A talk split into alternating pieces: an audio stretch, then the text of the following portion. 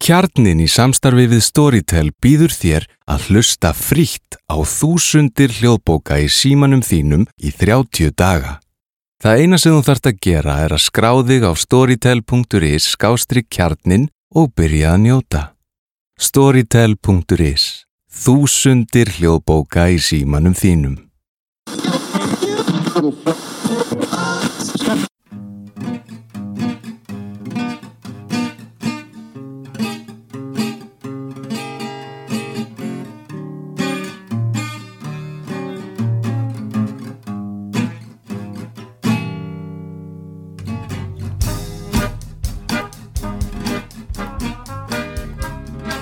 Komiði sæl og velkomin í samtal við samfélagið, hlaðvarp félagsvæðinar. Fólksflutningar eru eitt af stóru viðfangsefnum samtímans og ráðamenn um hinn vestrana heim eiga fullt í fangi með að móta ofinbæra stefnu um þetta málefni, en það í mörg hortnað líta. Almenningsáletið er ekki alltaf innflyndum í hag á meðan að vinnumarkaðurinn gerir kröfu um auðvelt aðgengi að vinnuafli. Íslenski stefnumótendur standa frammi fyrir þessum áskorunum rétt eins og í öðrum vestrænum ríkjum. Og enn sem komið er, er mörgum spurningum enn ósvarað. Til að varpa ljósi á þetta málefni þá stóð öndvegisverkefnið Hreyfanleiki og Þverþjóðleiki á Íslandi fyrir líkilviðbyrði á þjóðaspeklinum í vikunni sem leið. Aðal fyrirlesari var Hein de Haas, profesor í félagsvæði við Háskólinni Amsterdam og einn helsti sérfræðingur heims í þessum efnum. Nú, ég ætla þá að skipta yfir á ennsku og bjóða Hein velkomin. Hein, very welcome to the program. It's a pleasure to be here. Thank you for coming to Iceland and, and taking part in the uh, in the uh, conference. Uh, now, I was I was just explaining in my in my short introduction there that that migration is, is one of the biggest issues facing facing modern societies, and it's one of the biggest headaches for for policymakers in in, in many ways.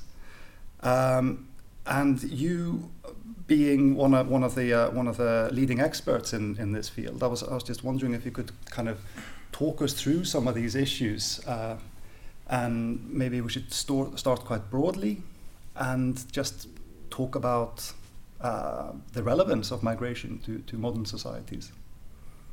I think the main issue with migration, I mean, migration has always been part of humanity, so in that sense, it's nothing new migration is also not necessarily uh, more intense than it was before.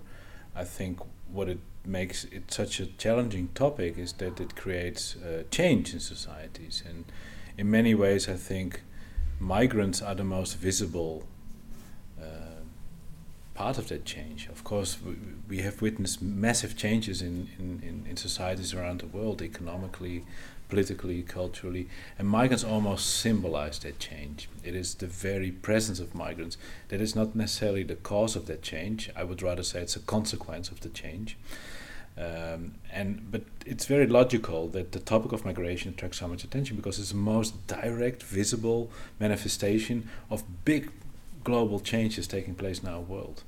And then it's very easy uh, to think that migrants themselves are the cause of that change, although you should rather see migration as a consequence of that change. So that is how I would like to start. But it's logical because migration challenges um, ideas of nations, uh, ideas of many, many states, including the Icelandic state, have had this idea of homogeneity, but you can find it across the world. Look at Germany, look at Japan, Iceland, very different societies, all cling to this idea we are one nation, one language, one culture. Now, mig- migrants always challenge that and have always challenged that, and the homogeneity has never been there in a way. And migration continuously challenged this idea of homogeneity. And the second thing is that migration is partly an autonomous process that goes on despite what politicians do. And I think you know the economic dynamics are, are, are, are, are very clear. There is often labor demand, migrants do jobs that native workers cannot do or do not want to do because they are jobs that are not very attractive. So migrants end up doing these jobs, whether they're allowed to do so or not. And if governments start to stop that, then people often come in, you know, illegally, or they stay longer than their work permits allow them to. So in a way, also migration challenges the power of, of, of governments.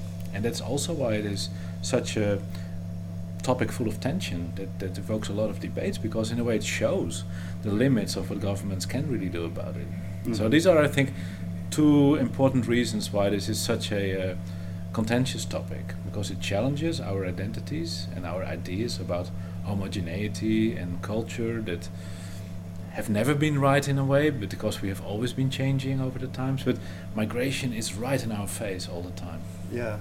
So what, I mean, you, you, you started off by saying that of course migration is nothing new, and and, yeah. and we could I mean it's debatable whether the, the, the migratory patterns that we're seeing now or the, or the, the scale of migration is even the, the biggest migra- human migrations that we've seen. I mean, uh, you know, compared to, for example, when uh, when people started moving to, to America back in the uh, late yeah, uh, 19th I mean, century, for example. I mean, global global I mean, as far as we have good data, there is no reason to think that migration is more intense now than it was 100 years ago. And what most data seems to suggest is that over the last 60 years, roughly 3% of the world population is living outside the country of birth. that's how we define a migrant. So, in that sense, not much has changed. And indeed, some scholars argue that uh, in the times of the great transatlantic migration. So we talk about roughly a century ago when a lot of Europeans went from Europe to the Americas, North and South America, that those figures were much higher actually. I think the main change has been the changing uh, position of Europe on the global migration map. Because Europe has been for yeah, five centuries, ever since the so called discoveries of the Americas, has been the origin area of, of colonialists, of, uh, of missionaries, of uh, people starting plantations, colonists, migrants. So Europe has been the source of global migration. There countries of emigration. Of really. emigration, yeah. yeah. Uh, starting with violent conquest, and later on, of course, a more peaceful transfer of populations in the forms of these migrations we just talked about to North America, in particular, Uni- United States and Canada. Now, after the Second World War, those patterns have been fundamentally changed around. I sometimes sometimes call this the global migration turnaround, because it is not so much the size of migration, it's the direction of migration which has totally changed. Because Europe has stopped being a continent of out migration and has become one of the m- most important migration magnets in the world. And that started in the 1950s and 1960s with very fast economic growth in uh, continental Western Europe, countries like Germany, the Netherlands, France, but also Sweden, for example, very high growth. And that went along with growing labor demand because uh, education levels went up, birth rates went down, and that created increasing demand. At the same time, the world has been decolonized. So the European imperial nations, France, Britain, the Netherlands, Belgium, and a few others have decolonized, and that means also that many people from the former colonies went to Europe. So the end of Europe as a continent of outmigration also had fundamental implications for migration elsewhere in the world. Because North America was built with the idea of European immigration, the immigration of white Europeans. Now, when the English and the Dutch and the Norwegians and the Germans no longer wanted to go to the Americas, they say, okay, let's have Eastern Europeans and Southern Europeans. They were seen as less desirable because they were often seen as not of the right background, let's put it that way. They were Roman Catholic, they were perhaps not white enough, or they were Jewish, but they stretched already the idea of where migrants could come from. But it was clear in the 1960s that Europeans no longer wanted to migrate because things were going too well in Europe and, and Europe becoming itself a destination, it also meant that migration to the classic migration destination countries like uh, the United States became increasingly Asian in character and Latin American character. So it has meant that the so called Western world has been confronted with an unprecedented influx of people from non European backgrounds, and that has been the real game changer. Yeah. So and, and, and that of course explains why in Western society this is such a debate now. But I would say it's the inevitable uh, consequence of decade of, of centuries of colonial interference and of course economic growth later, demographic change, high labor demand, which made it almost inevitable that European nations have become increasingly destinations. So uh, you talked about these economic um, uh, conditions changing around around uh, the 1950s, and, and I mean we, we, see that very clearly, for example, in the UK, where uh, people from the West Indies and, and India and Pakistan are brought in basically to build up, rebuild Britain after the war, and, and we see that this in, in other places as well. But what, what then were these economic uh, shifts and, and changes that, that started to shift this the migration patterns and turn them around? Do you think? Well, it's a combination of economic and I would say demographic and cultural factors mm. that you know, on the one hand, very strong economic growth after the war. There were big government investments in the economy, the old sort of uh, recipes of government stimulating the economy. Huge amounts of money were pumped into the economy, partly because of the Marshall Aid that was provided by the United States at the time. So you see very fast growth. At the same time, uh, birth rates going down all across Europe, which means you have less people available to do jobs, particularly the jobs in factories or in agriculture and construction that are seen as less attractive. And those jobs used to be done by, by local uh, people, like people who left primary school would often do those jobs, who wouldn't go continue doing secondary or university education. Women often uh, that did those jobs, like cleaning jobs typically were done by native women with, with low education. Uh, but because population growth started to come down, but at the same time, people having better and better education no longer were willing to do those jobs. So these are two factors very high economic growth, very high demand, lack of local supply. Mm. Because of higher education, people go to school longer, are no longer available at the labor market. So that demand became bigger and bigger, and that caused all governments in Europe at some point, different points of time it started, but in some countries earlier than elsewhere, to recruit workers from abroad. Now, the former colonial powers logically uh, were looking at their former colonial uh, colonies for that source of labor. So, Britain is a great example, but France did exactly the same in Africa, for instance.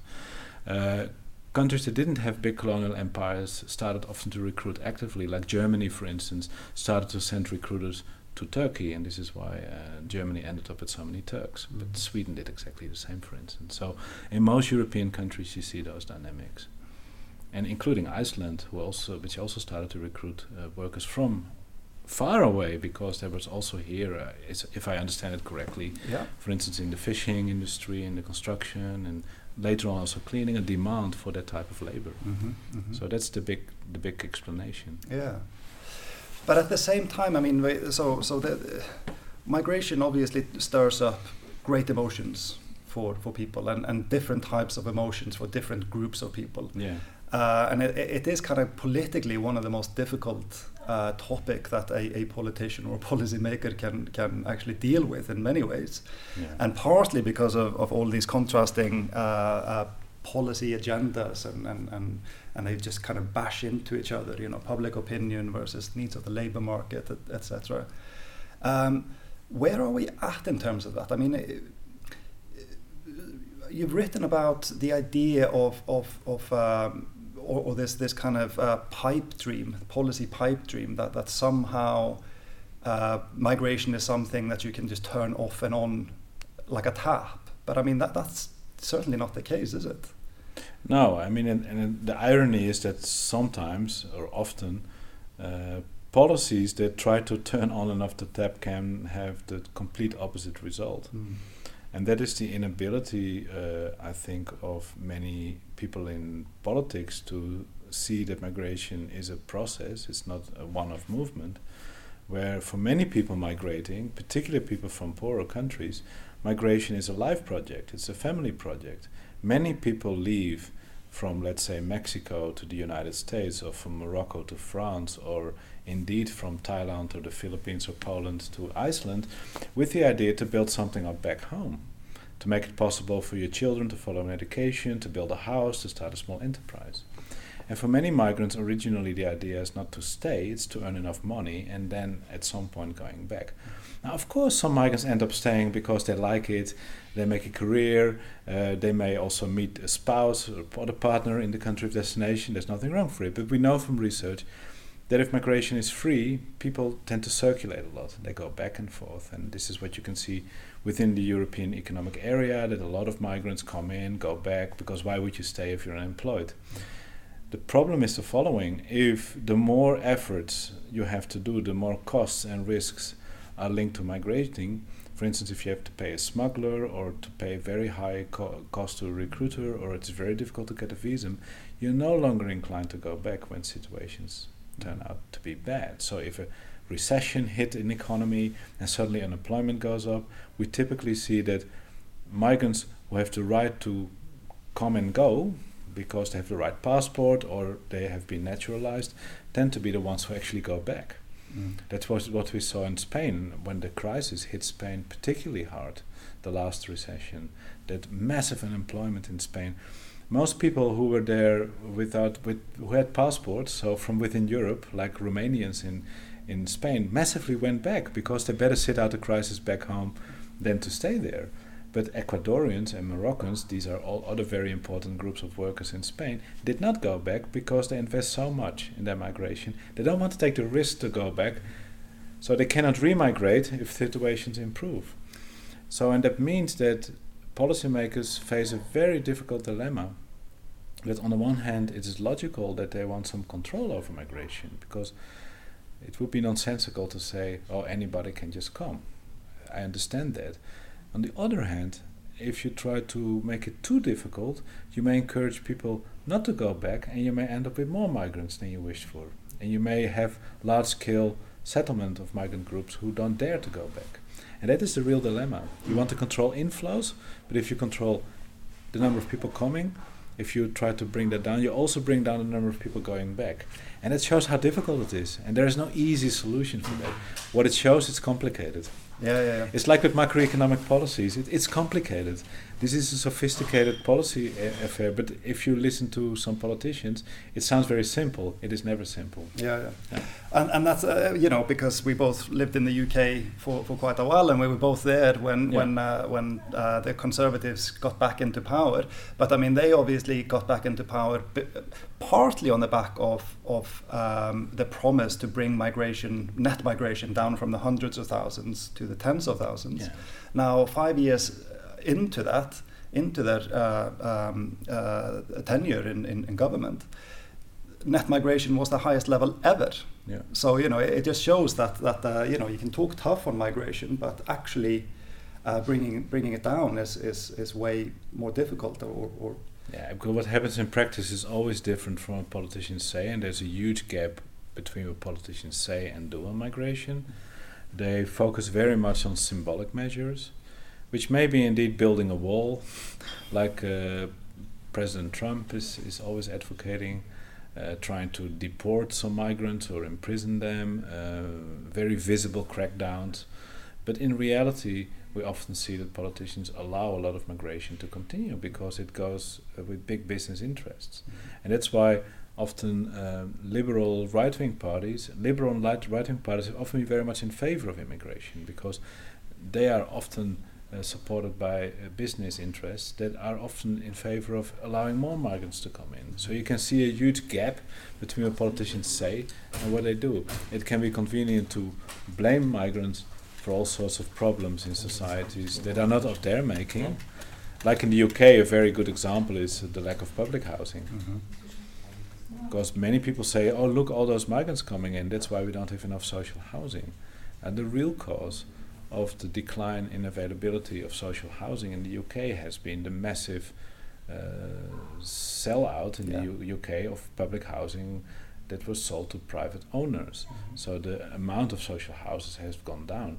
It's of course very tempting for politicians to then blame the migrants, although the the austerity measures are the real cause, obviously. So mm-hmm. it is very attractive to then blame the migrant, but it doesn't mean that migrants, migration is always good.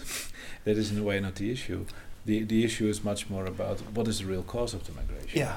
Exactly, and and, yeah. and that is, I mean, you, you you've written about that um, in in your in your books and articles, but you know, it's it's it, there's a danger to you know to to see uh, migration as intrinsically good or intrinsically bad, and that uh, it, when when uh, these two camps come together, it's it's it, that creates a certain danger because I mean, arguing for or, or, or against migration seems to me a bit like arguing for or against rain because Well, you're not going to stop it. Yeah, yeah. All you can do is, is, is figure out a way to minimize the damage and maximize the benefits of it. No, I, I- exactly. So it, I say, I mean, I love your uh, the comparison with rain. I often say, you know, who is you? You cannot generically argue in favor or against rain. But the same with, are you in favor or against markets? Mm. Or markets have always existed in human societies. Or would you, are you in favor or against childbirth? Uh, you can cite a whole range of examples of things that have always been with. Or are you uh, in favor or against dogs? Now we know that dogs have been with humanity for a very long time. You don't have to personally like migration. You don't have to personally like markets. You don't have to personally like flooding or rain or whatever other issue we're confronted with, or aging is another example.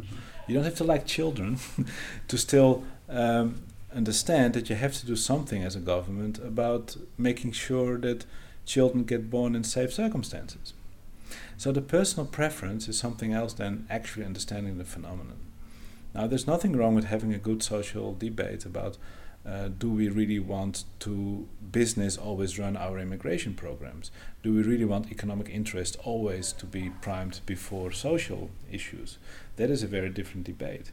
But it requires that politicians look in their own face, in the mirror, and understand that the type of poli- and I think that's another very important point to make that if you look at the longer term, if you look at the whole picture, let's say since the 1970s, you can see two tendencies. On the one hand, there has been this call in many Western countries for more immigration controls, for good and for bad reasons. But let's say it's a desire of uh, many people living in democratic societies to control migration to a certain extent. And according to many, they would see a little bit less, less of immigration. Well, that's one thing. As long as this doesn't descend into hatred or racism, there's nothing wrong with having a debate about how many immigration is optimal. But you cannot deny the economic realities. So as long as there's a labor demand, migrants will find their way. And if you don't regulate it, then people will come illegally. And that's what we know from 11 million undocumented migrants in the United States. That's the result of basically uh, not wanting to see that reality. Now, there's a big contradiction between that political call for less immigration and, on the other hand, the economic policies that we have been pursuing in Western countries. What is often seen as neoliberalism. Almost all Western countries have liberalized their economies, have given more leeway to recruitment agencies, to temporary employment agencies, to hire labor temporarily under less favorable conditions with less protection for workers than roughly 30 to 40 years ago. Now, without making a judgment whether those policies were good or bad, because there's pro and contra arguments against these policies, it has definitely massively boosted the demand for migrant labor because it has increased the division between lower and higher skilled jobs in terms of labor protection and work circumstances. It has made lower skilled jobs less attractive than before. In many European countries, jobs like cleaners, uh, uh, uh, delivering the post, truck driving, uh, I just cite a few examples, or restaurant work indeed, have become less and less attractive because they used to be quite protected jobs with reasonable salaries and a sort of lifetime employment perspective. So many native workers were willing to do those jobs. Those jobs have become so unattractive Mm. that they've Precar- become the so-called precarious jobs, dead-end jobs. Often natives rather be at home and employed than do those jobs, and migrants fill the gap. And that's why migrants don't really take away those jobs. It's created by the dynamics of labor markets. And that is, I think, an inevitable consequence, partly of things we cannot really change, like I, the examples I gave, demographic change, increasing education, but partly also by the economic policies. I could give one very concrete example is that the fact that in a country like uh, the United Kingdom or in Southern Europe, you have so much immigration of nannies and care workers at home is a consequence of the lack of government schemes for childcare and elderly care.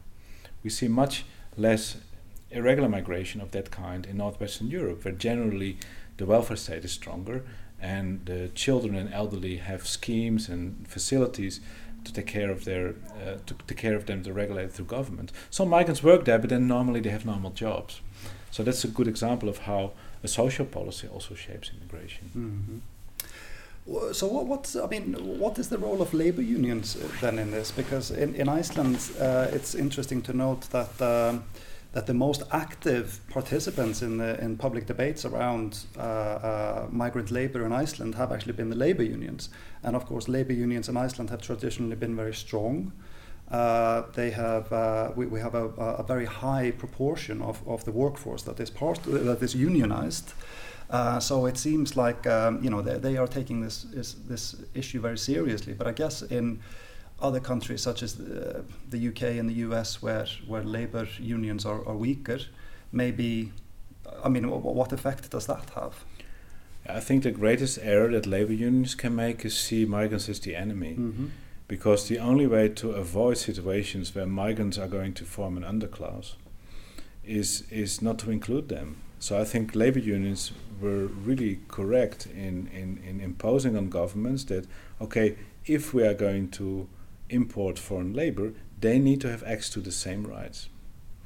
That is for humanitarian basic reasons that these are workers that should have the same rights, but also not undermine the rights of native workers. I think it's very important. And of course, these divisions are much stronger in countries with weaker labor unions. Mm-hmm. And of course, the US and the UK are the ultimate example mm-hmm. of. And I think you have in between situations in many other European societies.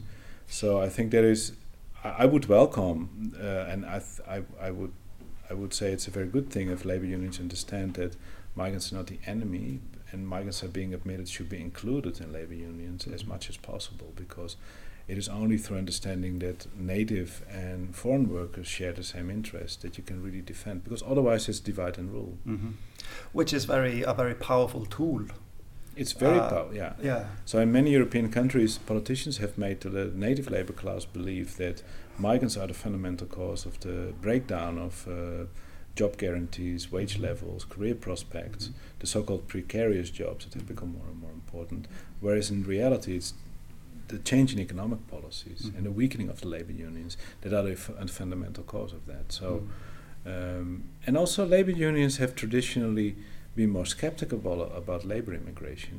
And uh, I think that's important to take into account, particularly amongst people who think that immigration is a left wing issue. Well, if you look historically, it's been more the employers that have been uh, pushing for more liberal immigration policies. Mm-hmm. Although they the just don't, they just don't talk about it. you know, no. they just do it behind the scenes, I guess. And if you look at research, you see that right-wing governments of right-wing parties have been slightly more in favor of uh, recruiting foreign labor, and that you can ex explain that by the business interests they often defend. The more left-wing party and labor unions are very have been very much more uh, active in defending the rights of people who are already here, or they're more skeptical about people coming. Mm. And that also explains that, that you see all sorts of political dynamics, despite all the rhetorics, that the reality is not never anti or pro migration, that most parties realize they have to do something about migrants coming here. The real danger is the the rhetorics. I think that's the real danger, mm. because there's no sensible government in Western countries that has no, I think, reasonable. I don't also don't think migration policies have failed in general. I think that's an exaggeration. They reason they work reasonably well. There are many imperfections, like with any policy. The real danger is the what we now see a wave of bigotry and extremism that tries to blame personally migrants uh, for a whole set of socioeconomic problems, or worse, to portray them as a danger for the cultural homogeneity and safety of societies. I think there it becomes really dangerous. So, what in terms of uh, if you could if I could just push a little bit further on that because that that is a, a huge concern which is the, this kind of rise in anti-immigrant uh, sentiment and rhetoric that we're seeing. Or are we seeing it? Is is there a rise in it? I mean I grew up in in the Swe- in Sweden in the 80s uh, which was kind of a, funny place because it was simultaneously, you know, Olof Palme's social democracy and, and very inclusive, but at the same time a, a very strong neo-Nazi presence and, and a very strong anti-immigrant rhetoric. So are we seeing an increase in, in, in kind of xenophobic anti-immigrant rhetoric or? The interesting thing is often said, eh, increasing uh, xenophobia. Actually, surveys don't really seem to show that. I mean, mm. there is big surveys like the European Social Survey, Eurobarometer. They don't actually show pretty high support overall for uh, migrant rights and refugee rights. Mm. Um, I think what you do see is an increased political mobilization of uh, that part of populations that do not like migrants. Mhm. Uh, I think on the one hand, So they're taking advantage of or, or, or stoking those fires, some politicians. Well, I, th- I think le- there can be legitimate concerns. I can, I, could, I, I think if you say that native workers that are on the wrong end of the side in terms of, uh, for instance, um, in, in my country, the Netherlands, truck drivers have really suffered from, from, from the liberalization of the economy. I mean, these used to be secure jobs; they're not secure jobs anymore, and uh, it's the gig economy that has kicked in, and it's a very insecure job now. And of course, these people see very limited benefits from from uh, or, or, or employees of former state companies that have been privatized. They, they see very little ben- benefits of, of policies. At the same time, they are confronted uh, with the social change that migration brings about. Of course, these people are less enthusiastic Mm-hmm. about this uh, new economy. Uh, and then it becomes very tempting for politicians to blame migrants personally for having caused the problem, whereas the real cause is Mhm. a very different one. Yeah. It's a change in economic policy. Yeah. And for, for good reasons, many labor classes in many Western European countries, I mean, it's, the situation is the worst in the UK and the US and other European countries in between situations. But the working class feels often left behind by politicians. And that doesn't mean there is a political justification to then blame minorities and migrants for those problems. But of course, it's a tempting uh, situation for uh, some extreme right wing politicians to make that link. And so you see the political mobilization of those uh, of those sentiments, and, and that's where it gets dangerous. Yeah, and I guess it gets dangerous also when you know because we talked about the polarization of, of, of the debate, because it, it kind of then inflames it when when people then become you know are, are called racists for, for having quite legitimate concerns. I mean, if, if I was working in a in a factory for Chrysler up in Detroit, and I would see my I would lose my job because the factory would move to Mexico, Mm-hmm. and then I would see lots of Mexicans coming into my community. I mean, I would be I would be upset by that. So No, so it's And- very and- tempting for then politicians to make yeah to make that link. exactly, but then the, perhaps the liberal left will, on top of everything, call me a racist for for being. Yeah, so I think there's nothing wrong, nothing wrong if you go back to the 1950s, 60s. Immigration policy was not a matter of public debate. Mm-hmm. I think it should be. It's a fundamental thing, as long as it doesn't descend to the policy of denial. Mm-hmm. But to have a sensible debate about how do we want to structure our society, our economy, and with that also immigration, that's a good debate. As long as we don't deny the realities of any high-income country, will probably keep on attracting immigrants. But of course, we can, to a certain extent, manage it. But if there's such a big discrepancy between our economic and social policy on the other hand, and the realities of immigration, we're going to create situations where things are getting out of control, like we've seen in the US. Um, so yes, the, I think it is very good to have a real debate about migration, but then we have to overcome this polarization between anti and pro migration because that's not the way to have a debate about immigration. We are not also not having a debate about macroeconomic policies, how much to raise the interest rate, or you know how much more money to pump in the economy, how many government investment, what level of taxation. These are sophisticated debates, and we should have a similar debate about migration. Mm-hmm. What type of sectors do we see labor demand? How should we regulate it? To what extent should we um, uh, recruit foreign labor? What rights should we give to them? These need to be subjects of, of sophisticated debates informed by uh, good research that we have now. And I think that's the way we should be heading beyond the anti pro framing because that is not a way to have a debate. And that's a big challenge, I think, for researchers and experts on migration because I have personally often experienced that journalists often want to frame it that way pro anti. So I'm not going to sit here being pro or anti because you're not talking about rain like that or the economy Yeah, or, or, or, markets. or- yeah, or taxation is, a, is Yeah. a good uh, example. I mean, uh, for or against taxation. I mean, that would be a fringe Yeah, subject. that is that is that is hilarious, and that's not a way to have a debate. Yeah. Of course, there are political forces that want to frame it that way, and it's unfortunate that uh, quite some politicians um, are pushed in a corner to choose sides almost, and or, or researchers as well. And I think we should stay away from that type of framing mm-hmm. because that is not a way to have a real debate about it. Mm-hmm. So, for instance, to say that migration is an inevitable result in a way of having a very prosperous economy with an aging population is not, I think, an outrageous statement. That is not to say that I personally like it, but I can still understand that I've, if I live in an open, prosperous society that is embedded in global networks of trade and, and travel, that this also will bring immigration. Uh, if you then don't like migration, I would say, well, it's then one of the downsides of living in such a society.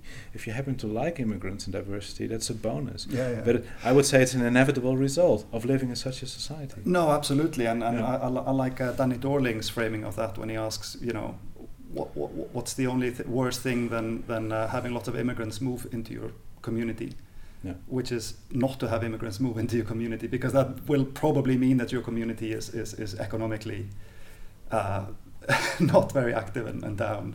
Well, I, I sympathize with to a certain degree, with, with but but I I'm I th- I also see a danger in that type of framing because No, yeah, yeah, yeah. because it, and on the other hand, he was being flippant, but I, I understand, I understand, Yeah. but I think that the, the, the, the other side of the story is everybody has the right to live in a community they like. yeah. Some people do like to live in rural communities with no immigrants and, and having a, and some people like to live in vibrant urban, urban environments. And luckily, in, in our society, we have the liberty to choose where to live, and that is where it is really about. And I think uh, we get so obsessed almost with controlling immigration yeah. that we sometimes create situations that we do, do not want to see. And we almost give too much importance to migration as well, that we think, oh, migration is going to change the entire society. Now, give me one example of a Western society that has really changed fundamentally as a result of immigration. Not really. Mhm. Our political, economic structures are still there. So we often tend to either see migration as the solution to lots of problems or as the cause of all sorts of problems. I think it is almost to exaggerate Mhm. uh, the, the transformative power of migration. So, on the surface, it's one of the most, I think, strongest signs of change. It's like a signal of change. It's a manifestation, as Danny Dorling said. You know, I- if you live in a vibrant neighborhood with lots of immigrants, it probably means your economy is doing pretty well Mhm. irrespective of the fact whether you like necessarily to live in such an environment. But it's indeed a sign of a vibrant community, and I think over history, emerging economies and emerging empires have always welcomed immigrants. Confident societies have always welcomed immigrants. Uh, empires in decline and um, societies in crisis often become afraid of immigrants. I think that's something you can definitely see. Mhm. And well, in a broader framing, it's a bit speculative, but I think you could see the huge xenophobia in the UK, partly as a result that people are still coming to terms with the end of empire, Mhm. and and and and the realization that the world is very big out there, and that that world is also coming to Britain. Now, you could also see that there's an inevitable backlash of England being having been the center of the world for so long, and creating the empire had a massive influence on the world. The fact that we are speaking English is one of the consequences of uh, uh, British colonialism. So, from an imperial point of view, you could see, see that, you could you could see that as a resounding success. Empire is lost, language stays, but it also means that many migrants still see the UK and the US, Mhm. partly because of language issues, as the ultimate destination to go through. So, irrespective of your value judgments about it, that is an inevitable consequence of imperialism. So I'm, I'm stretching a bit far. Well, no, no, Yeah, I, I yeah. think there's definitely definitely some truth in that. Yeah. Um, but if we if we look towards the future, then because um, I mean uh, that's always a tricky thing to do to predict the future. But I mean I think it's pretty fair to say that migration is is unlikely to decrease in the in the next uh, decades. It's unlikely to well, either in raw numbers or in terms of importance in, in public debate. So where do you think we're heading? Well, I mean, can you see any any kind of changes in, in migratory channels uh, I mean- or routes on the horizon, and, and what would that mean? I mean, like you say, it's very difficult to predict the future, but I think you can talk in terms of what is plausible Mhm. and some scenarios. And Mhm. it, it comes with a number of assumptions. Of I course. think the fundamental assumption is that I assume that there will be peace and a reasonable level of economic prosperity in Europe for the next decade to come, Mhm. or two or three decades to come. That's the assumption of everything Mhm. what I'm going to say. Mhm. Uh, but given that fact, I think it's almost undeniable that labor demand will continue in Europe, in particular sectors, even in times of crisis. Uh, if you think about certain care jobs, they still have to be done. We saw it also in Spain throughout the Great Recession. Mm-hmm. You know, particularly women kept on migrating to Spain because the care work still had to be done. Mm-hmm. So, and we see that more and more that because of demographic change, increasing education of native populations, uh, the whole aging issue. Uh, so th- there will be demand both for lower and high skilled workers. I think what is really going to change is the sources of the labor. Uh, what I think is quite plausible is that uh, Eastern Europe, which was since the fall of communism, uh, and their joining of the, to the European Union and also accession to labor markets of EEA countries, including Iceland, we have seen a sort of temporary hike in migration from those countries of young people who uh, wanted to earn a better salary, have an experience abroad, but we see, for instance, in Poland, the economy is growing very fast. Many European, Eastern European economies are doing way better than they used to do. They're building up social systems. And we can already see that, for instance, the Polish wants to migrate less and less, and that Poland is becoming an immigration country. Now, what it means for, I would say, the European space, and I include Iceland here at large, is that less and less labor will be available from within Europe less and less Europeans will want to migrate. I mean, Western Europeans have already stopped migrating in big numbers, Eastern Europeans will follow suit, which means that uh, assuming continuing prosperity and peace in Europe, that Europe will increasingly again, almost going back to pre uh, fall of Berlin Wall era, increasingly draw on non-European sources of labor. We already see, for instance, uh, migration from Morocco, which is one of the most important sources of migrant labor in the continent of Europe, going up fast again. Uh, migration from Ukraine, many African countries is going up fast again. So I think uh, South Asia, so from Nepal we see increasing migration now to Poland and from Poland elsewhere in Europe.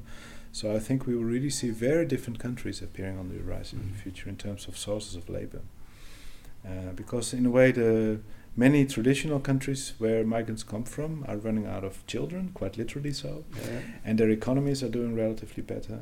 Turkey has already become a destination country, not just for refugees but also economic migrants, and not many Turks want to, not like in the past in big numbers. No, no, most Turks no longer want to migrate, and so we see that other countries are taking the place.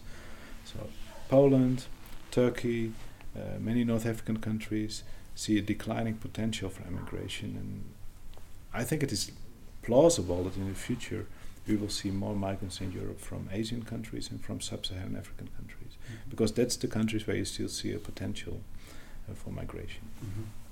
Well, it's certainly a, an interesting. Well, I guess it's always an interesting time to be a, a migration researcher, but you know, hmm. because things do change quite fast um, like the, just the migratory routes uh, that changed uh, yeah. in the 1990s and 2000s well, all of a sudden I think I, I think one they've kind of uh, sort of one saying I think that is appropriate with migration always expect the unexpected yeah and exactly I never with scenarios but think in the future never never assume business as usual yeah because yeah. it's very difficult to imagine but you know the times of big Polish migration are probably over and right. uh, we will see very different uh, sources of, of, of, migrants coming up very unexpectedly. Yeah, I mean, no, nobody expected uh, such a big hike in, in migration in Iceland. I mean, no, nobody could envisage that in the in the in the 1990s or, or even in the early, very early 2000s. No. That just happened, yeah. just like that.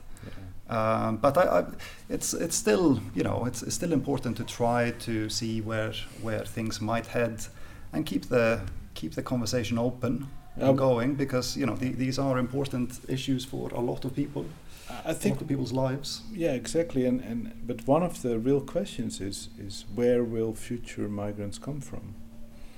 And again, it's very difficult to predict the future, but one optimistic scenario in terms of uh, now let's say China. We really need to think globally about these things.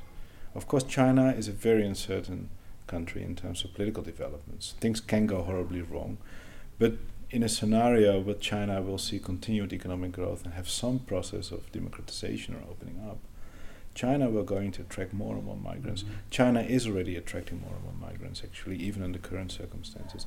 More and more Africans are now going to Yeah. to, to, to China.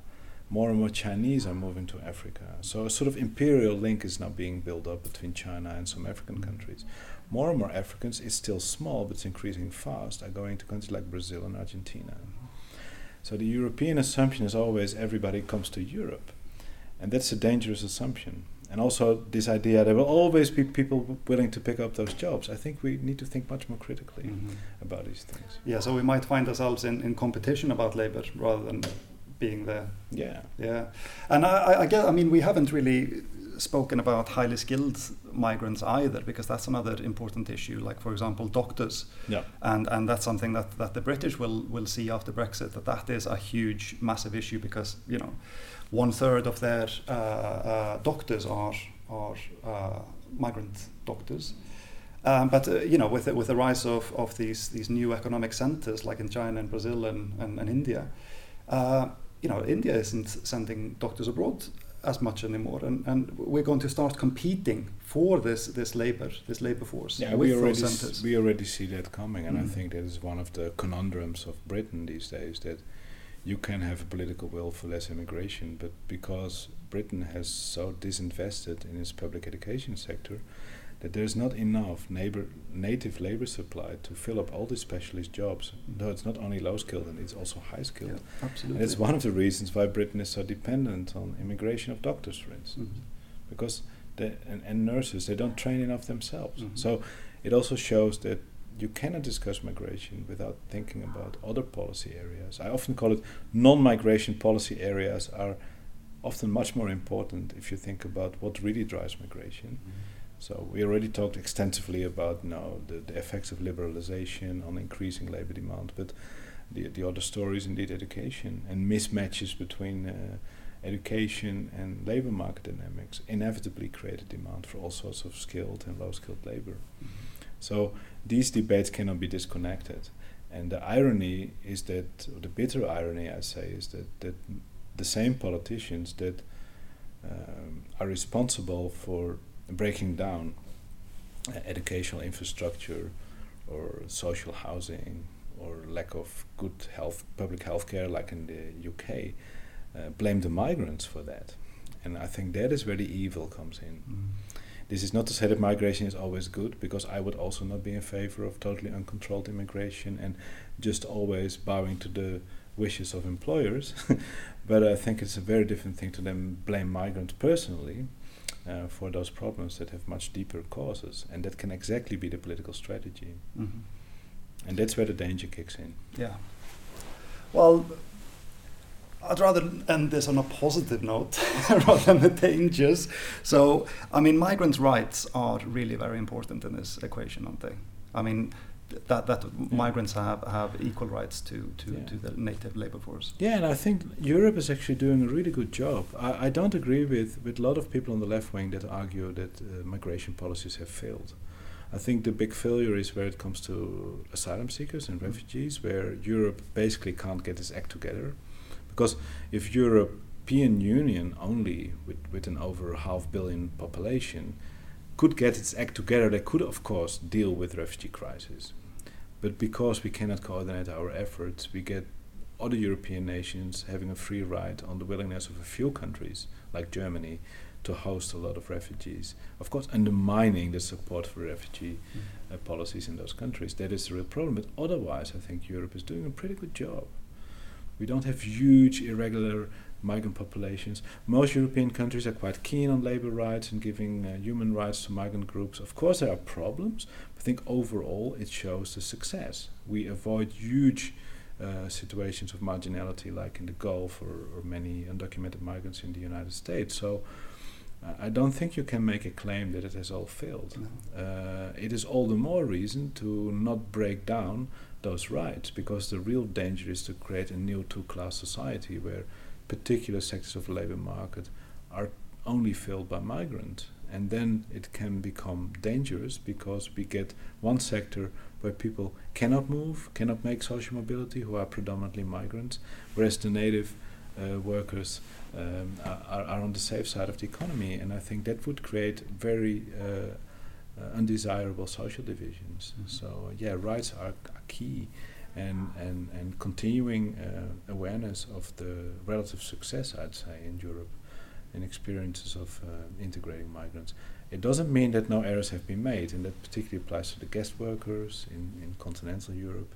But I think, I hope we have learned from those lessons in the past. And we actually see amongst recent generations of immigration, immigrants that uh, integration happens much faster. So I wouldn't say there is reason for huge pessimism. The only danger I see is the vitriolic discourses on the extreme right wing side, and they really, we should not add fuel to that fire. I think it's very important to keep those things separate.